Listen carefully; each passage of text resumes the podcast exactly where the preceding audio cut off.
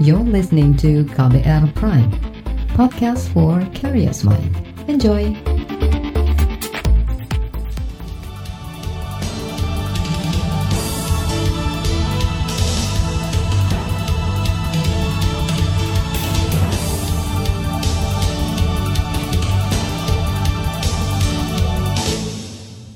Halo saudara, selamat pagi. Senang sekali rasanya saya, Reski Mesanto hadir kembali pagi hari ini di program Buletin Pagi edisi Selasa 16 Juni 2020. Pagi hari ini kami telah menyiapkan sejumlah informasi terkini untuk Anda. Di antaranya, pasar tradisional di Jakarta berpotensi jadi klaster baru penyebaran COVID-19. Indonesia butuh minimal 350 juta vaksin untuk bebas dari wabah virus corona dan Papua akan susun Grand Design Pendidikan. Saudara, inilah Buletin Pagi selengkapnya. Terbaru di Buletin Pagi. Kita mulai Buletin Pagi hari ini, pasar tradisional dikhawatirkan menjadi klaster baru penyebaran COVID-19 di Indonesia. Hasil pelacakan virus corona di DKI Jakarta pekan lalu, ditemukan lebih dari 50 orang pedagang di 19 pasar tradisional positif terpapar COVID-19. Jumlah itu berpotensi meningkat mengingat hasil tes di pasar lain belum keluar. Direktur Utama PD Pasar Jaya Arif Nasrudin meminta pengunjung dan pedagang di pasar tradisional disiplin menerapkan protokol COVID-19 seperti selalu menjaga jarak dan menggunakan masker. Saya berharap dan meminta kepada kita semuanya, terutama juga pengunjung, tolong jaga kami gitu ya. Karena ini gerakan roda perekonomian kecil, kalau pengunjungnya juga ikut sadar akan bahaya COVID dan pedagangnya juga, insya Allah pasar bisa terus pelan-pelan menggeliat gitu ya. Mudah-mudahan ini tidak menjadi pusat penyebaran COVID, walaupun posisinya sangat rentan dan saya tetap meminta kepada semua masyarakat di Jakarta, jangan ke pasar kalau memang tidak perlu, dan jangan membawa anak-anak ketika memang ke pasar. Direktur Utama Pasar Jaya Arif Nasrudin menambahkan, PD Pasar Jaya juga menerapkan aturan ganjil genap bagi pedagang yang berjualan termasuk memerintahkan pengelola pasar untuk menyiapkan pemeriksaan suhu tubuh di pintu masuk, menyediakan fasilitas cuci tangan hingga mengatur lalu lintas pejalan kaki. PD Pasar Jaya juga meminta semua pedagang pasar mengenakan alat pelindung muka. Sementara itu, saudara, pemerintah Provinsi DKI Jakarta mengklaim akan meningkatkan kapasitas tes dan memperluas pelacakan kontak atau kontak tracing pasca ditemukannya kasus positif COVID-19 di sejumlah pasar tradisional di Jakarta. Wakil Gubernur DKI Jakarta Ahmad Riza Patria mengatakan, Pemprov DKI Jakarta tengah menginventarisasi jumlah dan pasien positif yang berasal dari klaster pasar. Ia berharap penyebaran COVID-19 di pasar tradisional menjadi pembelajaran dan pengingat bagi pedagang dan pengunjung pasar untuk berhati-hati dan disiplin menerapkan protokol kesehatan. Harapan kami tentu para pengelola pasar mempersiapkan, mensosialisasikan protokol COVID kepada pedagang dan pengunjung pasar itu sendiri. Karena unit-unit kegiatan dibuka, itu artinya potensi. Ya, potensi bersentuhan, potensi penyebaran itu meningkat. Untuk itu, ya sesungguhnya di masa PSBB transisi ini harus lebih hati-hati dibandingkan PSBB 1, 2, 3. Wakil Gubernur DKI Jakarta Ahmad Riza Patria menyadari, pasar tradisional merupakan tempat rentan terjadi penularan COVID-19. Ia bahkan khawatir pasar menjadi klaster besar penyebaran COVID-19 baru. Riza mengingatkan adanya denda Rp250.000 bagi warga yang bepergian tanpa mengenakan masker. Menurut Riza Patria, keberhasilan memutus mata rantai penularan COVID-19 80% ditentukan oleh perilaku warga. Saudara, kekhawatiran pasar tradisional menjadi salah satu klaster baru penyebaran virus corona juga diungkapkan pakar epidemiologi dari Universitas Airlangga, Laura Nafika Yamani. Menurutnya, penyebaran COVID-19 di pasar tradisional tidak dapat dipungkiri akibat pergerakan masyarakat yang tidak diiringi dengan penerapan protokol kesehatan yang ketat. Laura khawatir klaster baru di pasar tradisional semakin meluas jika tidak dibarengi aturan dan pemantauan ketat oleh pemerintah daerah. Potensi potensi untuk menimbulkan klaster baru itu masih ada. Jadi klaster baru itu ya pastinya akan e, berada pada tempat-tempat kerumunan. Jadi tempat-tempat kerumunan itu ya yang seperti kita lihat misalkan pasar gitu ya. Karena memang penularan dari COVID-19 itu kan berasal dari pergerakan manusia. Jadi karena dari manusia yang membawa virus itu, maka ketika manusia itu bergerak dan gerakannya atau mobilitasnya itu tinggi, maka penyebaran dari COVID ini juga tinggi. Gitu. Pakar epidemiologi dari Universitas Airlangga, Laura Nafika Yamani menjelaskan, pasar tradisional sebagai klaster baru penyebaran COVID-19 sangat beresiko. Jika tidak ada pembatasan pergerakan manusia, ia mendesak pemerintah segera mencegah dan mengantisipasi potensi dari klaster pasar tradisional ini. Sementara itu, pimpinan DPR mendesak pemerintah memperhatikan kondisi pasar yang sudah menjadi klaster penyebaran wabah COVID-19. Dalam sidang paripurna Senin kemarin, Ketua DPR RI Puan Maharani meminta pemerintah agar menjamin protokol kesehatan bagi penjual maupun pembeli saat menjalankan kenormalan baru di pasar. Pada saat ini, pasar sudah menjadi salah satu tempat penyebaran COVID-19. Padahal, pasar sebagai tempat ekonomi masyarakat bergerak dan sebagai fungsi kontrol stabilitas harga pangan. Ketua DPR RI Puan Maharani menambahkan, pemerintah juga harus memastikan Protokol kesehatan di tempat keramaian lain seperti sekolah, rumah sakit, terminal, dan tempat kerumunan lainnya tersosialisasi dengan baik sehingga tidak menimbulkan kebingungan di masyarakat. Selain Jakarta, kasus serupa juga terjadi di Semarang, Jawa Tengah, di mana puluhan pedagang pasar tradisional positif tertular COVID-19. Masih terkait kasus COVID-19, penambahan kasus baru positif COVID-19 di Indonesia masih di atas 1000 kasus per hari. Juru bicara pemerintah untuk penanganan COVID-19 Ahmad Yuryanto mengatakan, dalam 24 jam terakhir hingga siang kemarin, ada penambahan lebih dari 1000 kasus positif COVID-19. Jumlah total kini mencapai 39.200 orang positif COVID-19. Pemeriksaan menurun menjadi 8.776. Dari hasil ini kita dapatkan kasus positif terkonfirmasi adalah 1.017 orang, sehingga totalnya menjadi 36.294 orang. Juru bicara pemerintah untuk penanganan COVID-19 Ahmad Yuryanto menyebut jika dirinci penambahan kemarin terjadi ada lima provinsi yang angka sebaran masih tinggi, yakni Jawa Timur, DKI Jakarta, Jawa Tengah, Sulawesi Selatan, dan Kalimantan Selatan. Sedangkan jumlah kasus sembuh total mencapai 15.000 pasien. Yuryanto juga mengakui ada penurunan pemeriksaan spesimen hingga 10.000 spesimen karena beberapa laboratorium di tanah air masih menerapkan hari libur. Saudara, H-Man sebut Indonesia perlu 350 juta dosis vaksin COVID-19. Informasi selengkapnya akan kami hadirkan usai jeda, jadi tetaplah bersama kami di Buletin Pagi KBR. You're listening to KBR Pride, podcast for curious mind. Enjoy!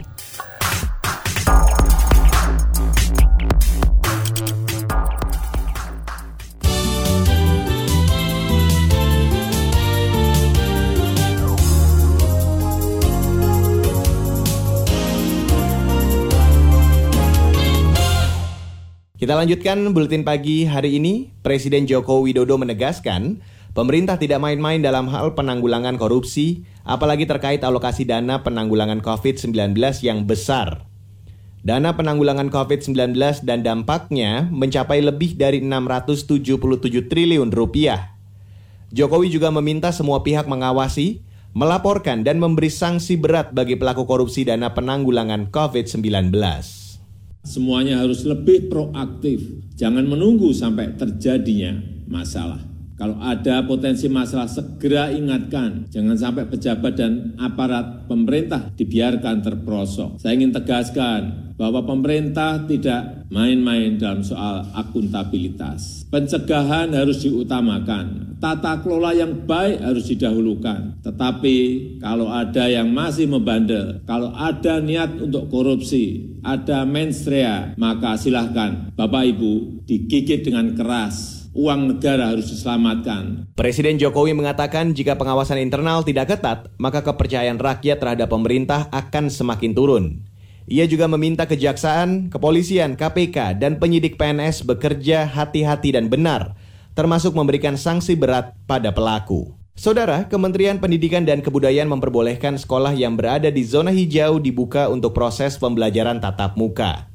Berdasarkan data gugus tugas per 7 Juni, ada 92 kota kabupaten yang masuk zona hijau atau tidak terdampak COVID-19.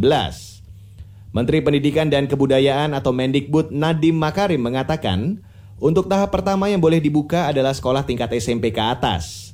Untuk tingkat SD dan SLB dibuka pada September, sedangkan TK dan PAUD baru boleh dibuka di bulan November mendatang kita telah mengambil keputusan di Kemendikbud untuk daerah dengan zona kuning, oranye, dan merah, yaitu zona-zona yang telah didesignasikan oleh gugus tugas yang punya resiko COVID dan penyebaran COVID dilarang saat ini melakukan pembelajaran tatap muka di satuan pendidikan. Ini merepresentasikan pada saat ini 94% daripada peserta didik di pendidikan dini, dasar, dan menengah tidak diperkenankan untuk melakukan pembelajaran tatap muka.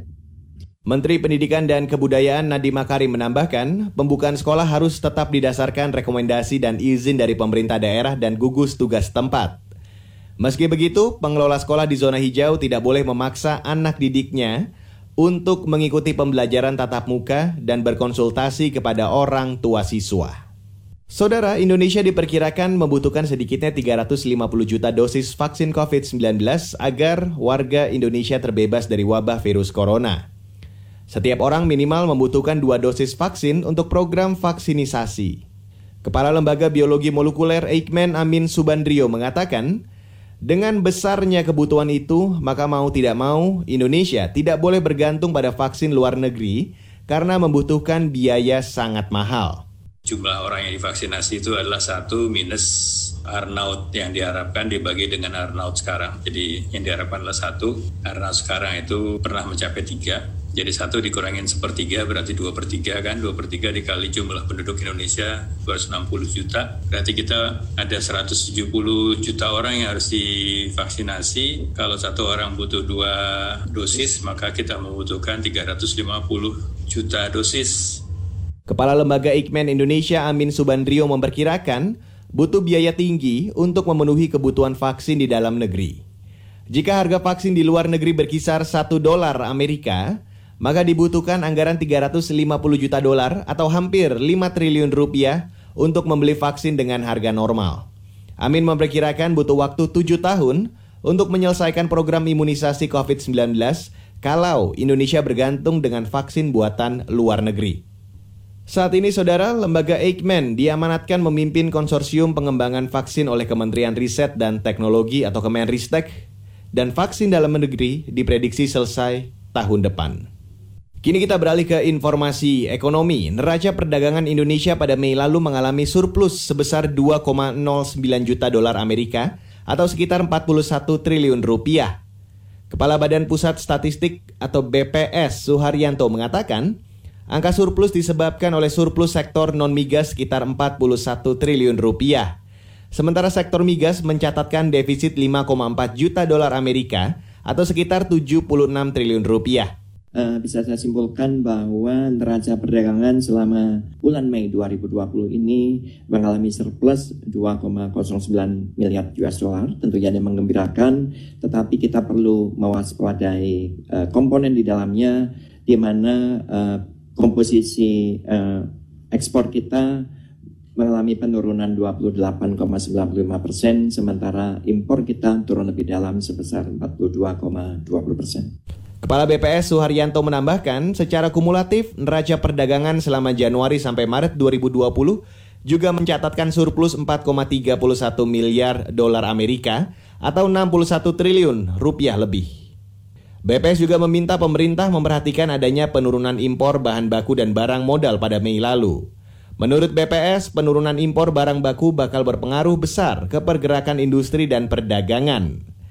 Sementara penurunan impor barang modal berpengaruh ke komponen investasi dalam pertumbuhan ekonomi. Dan sekarang kita beralih ke berita dari mancanegara. Pemerintah Cina akan mengambil alih yuridiksi atas beberapa kasus keamanan nasional yang sangat jarang terjadi di Hong Kong. Mengutip AFP, Cina juga bersiap merilis undang-undang anti-subversi bagi wilayah dengan otonomi khusus itu.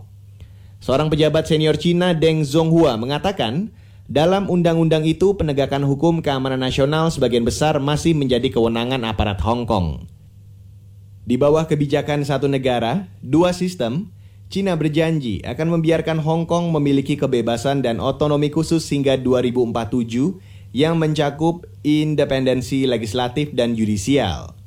Namun warga pro-demokrasi khawatir bahwa Cina akan memanfaatkan RUU Keamanan Nasional itu untuk mengakhiri kebebasan Hong Kong sebagai daerah administratif khusus. Saudara, laporan khas KBR tentang pro kontra program tabungan perumahan rakyat atau TAPERA akan hadir usai jeda. Jadi tetaplah bersama kami di Buletin Pagi KBR. You're listening to KBR Pride, podcast for curious mind. Enjoy!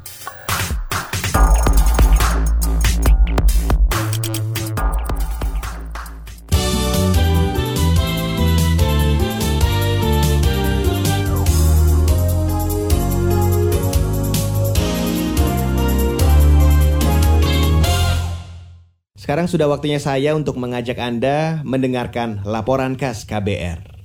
Data Kementerian Pekerjaan Umum dan Perumahan Rakyat mencatat angka kebutuhan rumah mencapai 7,6 juta unit pada 2019. Persoalan ini ingin diselesaikan dengan program tabungan perumahan rakyat atau TAPERA, namun program ini mewajibkan seluruh pekerja menjadi peserta mulai dari ASN tahun depan. Bagaimana tanggapan pekerja? Simak laporan jurnalis KBR Valda Kustari ini. Jafar Purwanto menyambut baik program tabungan perumahan rakyat atau TAPERA. Bagi pegawai BUMN ini, program TAPERA bisa membantu mewujudkan mimpinya memiliki rumah sendiri. Apalagi hingga kini, ia belum memiliki alokasi untuk kebutuhan tempat tinggal.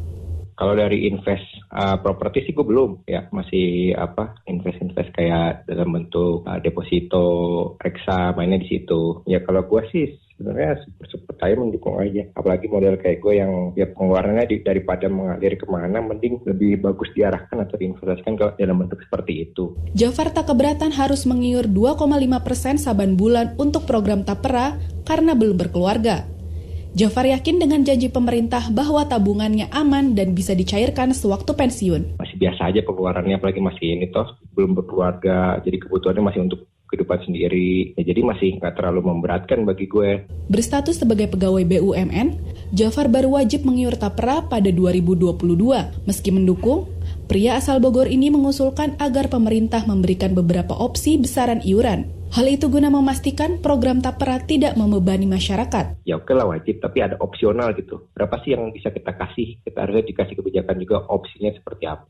Salah satu ASN yang mengaku terbebani dengan program tapera adalah Ngungrum Kurani. ASN di salah satu kementerian ini mengaku kewajiban iuran tapera memberatkan. Gaji bersih yang diterimanya saban bulan bakal makin menyusut itu lumayan memberatkan gitu karena sekarang aja ASN tuh potongannya udah banyak banget. Nah kalau ditambah tapera lagi berarti kan otomatis take home pay kita berkurang setiap bulannya. Gitu. Ngungrum tak tertarik dengan iming-iming rumah karena sudah memilikinya. Ngungrum juga masih sanksi dengan tawaran manfaat lain bagi peserta seperti dirinya. Pemerintah belum memberikan penjelasan gamblang tentang hal ini, termasuk jaminan kemudahan dalam pencairan. Ia meminta kebijakan ini ditinjau ulang sebelum memangkas iuran ASN tahun depan uh, benefitnya apa yang secara detail cara ambilnya gimana dan lain sebagainya. Jaminannya apa kalau misalnya nanti benar-benar bisa diambil? Ya kalau misalnya di ending beneran bisa diambil gitu kan. Kalau misalnya ternyata di ending bermasalah dan gak bisa diambil jaminannya apa gitu? Program tapera juga banyak ditolak pekerja swasta hingga pengusaha. Kalangan buruh berpandangan kebijakan ini bakal menggerus daya beli. Pemerintah dinilai mengalihkan kewajiban memenuhi kebutuhan papan pada masyarakat. Kalangan pengusaha tak kalah lantang yang menyuarakan penolakan kewajiban ikut membayar setengah persen iuran tapera disebut makin menambah beban. Padahal, pemerintah semestinya bisa mengoptimalkan program BPJS Ketenagakerjaan untuk menyediakan rumah rakyat. Ketua Asosiasi Pengusaha Indonesia Apindo Haryadi Sukamdani akhirnya menambah-nambah beban baru kan. Pekerja suruh bayar dua setengah persen, iur lagi, pengusahanya pemberi kerjanya kena setengah persen, jadi total tiga persen itu kan kan tidak perlu ada gitu loh mas. Kalau kita mau berpikirnya adalah terintegrasi, manfaatkan jaminan sosial yang sudah ada. Pemerintah mengaku tak semua pekerja bakal dapat memiliki rumah dengan ikut program Tapera. Staf ahli Kementerian Keuangan Kunta Nugraha mengatakan, kalangan masyarakat berpenghasilan rendah atau MBR yang bakal diprioritaskan mendapat pembiayaan perumahan. Mereka adalah pekerja dengan gaji 4-8 juta rupiah. Melalui BP Tapera yang mempunyai prinsip gotong royong. Jadi ini merupakan salah satu dari program jaminan sosial. Gotong royong itu artinya apa? Bahwa mereka semua orang atau ya semua pekerja itu wajib menjadi uh, peserta BP Tapera. Tapi yang mama bisa memperoleh fasilitas di BP Tapera ada mereka yang akan mempunyai rumah pertama dan juga MBR. Sehingga ada gotong royong di sini, orang yang kaya akan mensupport orang yang miskin. Tapi uangnya tidak hilang, nanti yang mungkin yang tidak menggunakan manfaat dari BP Tapera, uangnya akan dikembalikan pada saat mereka pensiun. Sementara itu, Komisioner Badan Pengelola Tapera Adi Setianto menjanjikan program ini bakal bermanfaat bagi MBR dalam mengakses kredit perumahan, khususnya bagi pekerja mandiri atau sektor informal. Sedikit lagi yang perlu kami sampaikan informasi kepada teman-teman wartawan. Uh, mohon izin Mbak Endra, ini terkait sama MBR Pak. Kebetulan saya backgroundnya perbankan Pak, dulu saya di BNI, kemudian tugasnya di BTN. Enggak semua um, masyarakat segmen MBR memiliki akses kemudian ke perbankan. Diharapkan akses kepada uh, lembaga keuangan untuk penyediaan pembelian rumah mereka itu bisa lebih mudah lagi. Karena kalau dengan uh, jumlah yang banyak diwakili oleh Tapera, mudah-mudahan persyaratan-persyaratan perbankan yang harus kalau individu masing-masing itu kita bisa uh, bicarakan dengan teman-teman uh, perbankan. Toh tabungannya di kami. Jadi salah satu value khususnya nanti yang community ya yang bekerja mandiri. Nah, dengan menjadi penabung, harapan kami memudahkan mereka untuk mendapat akses di perbankan ini terkait dengan uh, financial inclusion. Demikian laporan khas KBR, saya Valda Kustarini. Saudara, informasi dari daerah akan kami sajikan sesaat lagi usai jeda. Jadi tetaplah bersama kami di Buletin Pagi KBR. You're listening to KBR Pride, podcast for curious mind. Enjoy!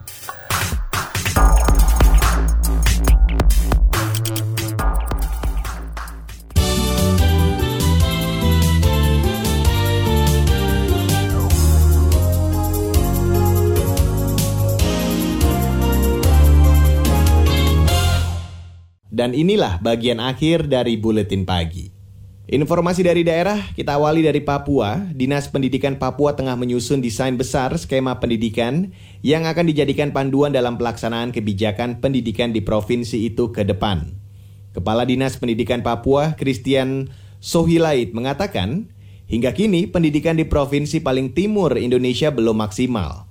Pemprov Papua juga melibatkan akademisi Universitas Cendrawasih dalam menyusun desain besar pendidikan di sana. Ada beberapa sekolah-sekolah yang sifatnya uh, unggulan. Sisa kita lihat apa program ke depan. Kita untuk terus cepat dorong supaya Grand Design pendidikan selesai. Saya sedang melakukan kerjasama dengan Uncen untuk menyelesaikan Grand Design. Kepala Dinas Pendidikan Papua Christian Sohilait mengakui sering terjadi tumpang tindih kebijakan di bidang pendidikan antara Pemprov dan pemerintah kabupaten kota di Papua, terutama di tingkat SD dan SMP, termasuk kepastian beasiswa anak-anak Papua di dalam dan luar negeri. Dan informasi terakhir di buletin pagi hari ini kita ke Jawa Barat. Pemerintah Kota Bogor, Jawa Barat bersama pemerintah DKI menyiapkan puluhan bus gratis untuk mengangkut pekerja dari Bogor ke Jakarta. Penyediaan bus gratis itu untuk mencegah penumpukan calon penumpang di stasiun kereta. Wali Kota Bogor, Bima Arya mengatakan, bakal terus mengevaluasi upaya-upaya tersebut agar bisa berjalan baik dan mencegah terjadinya penularan virus corona. Ada yang lebih baik dibanding minggu lalu karena ada bis bantuan dari Jakarta 30 ditambah Pemkot 10 jadi 40 jadi relatif lebih cair. Itu tadi Wali Kota Bogor Jawa Barat Bima Arya. Sebelumnya, saudara tim gugus tugas percepatan penanganan COVID-19 mengeluarkan surat edaran atau SE terkait pembagian jam kerja saat menghadapi kenormalan baru. Ada dua pembagian jam masuk dan keluar kantor dengan jeda 3 jam. Gugus tugas juga mengatur agar perusahaan tetap mematuhi jumlah kapasitas pekerja yang masuk kantor, yakni 50% dari total keseluruhan pegawai. Sementara sisanya kerja dari rumah. Saudara, informasi tadi menutup jumpa kita di Buletin Pagi hari ini. Anda dapat memperbarui informasi melalui kabar baru melalui website kbr.id, Twitter kami at berita KBR, dan jangan lupa untuk mendengarkan podcast di kbrprime.id. Akhirnya saya, Reski Mesanto, kami undur diri. Salam.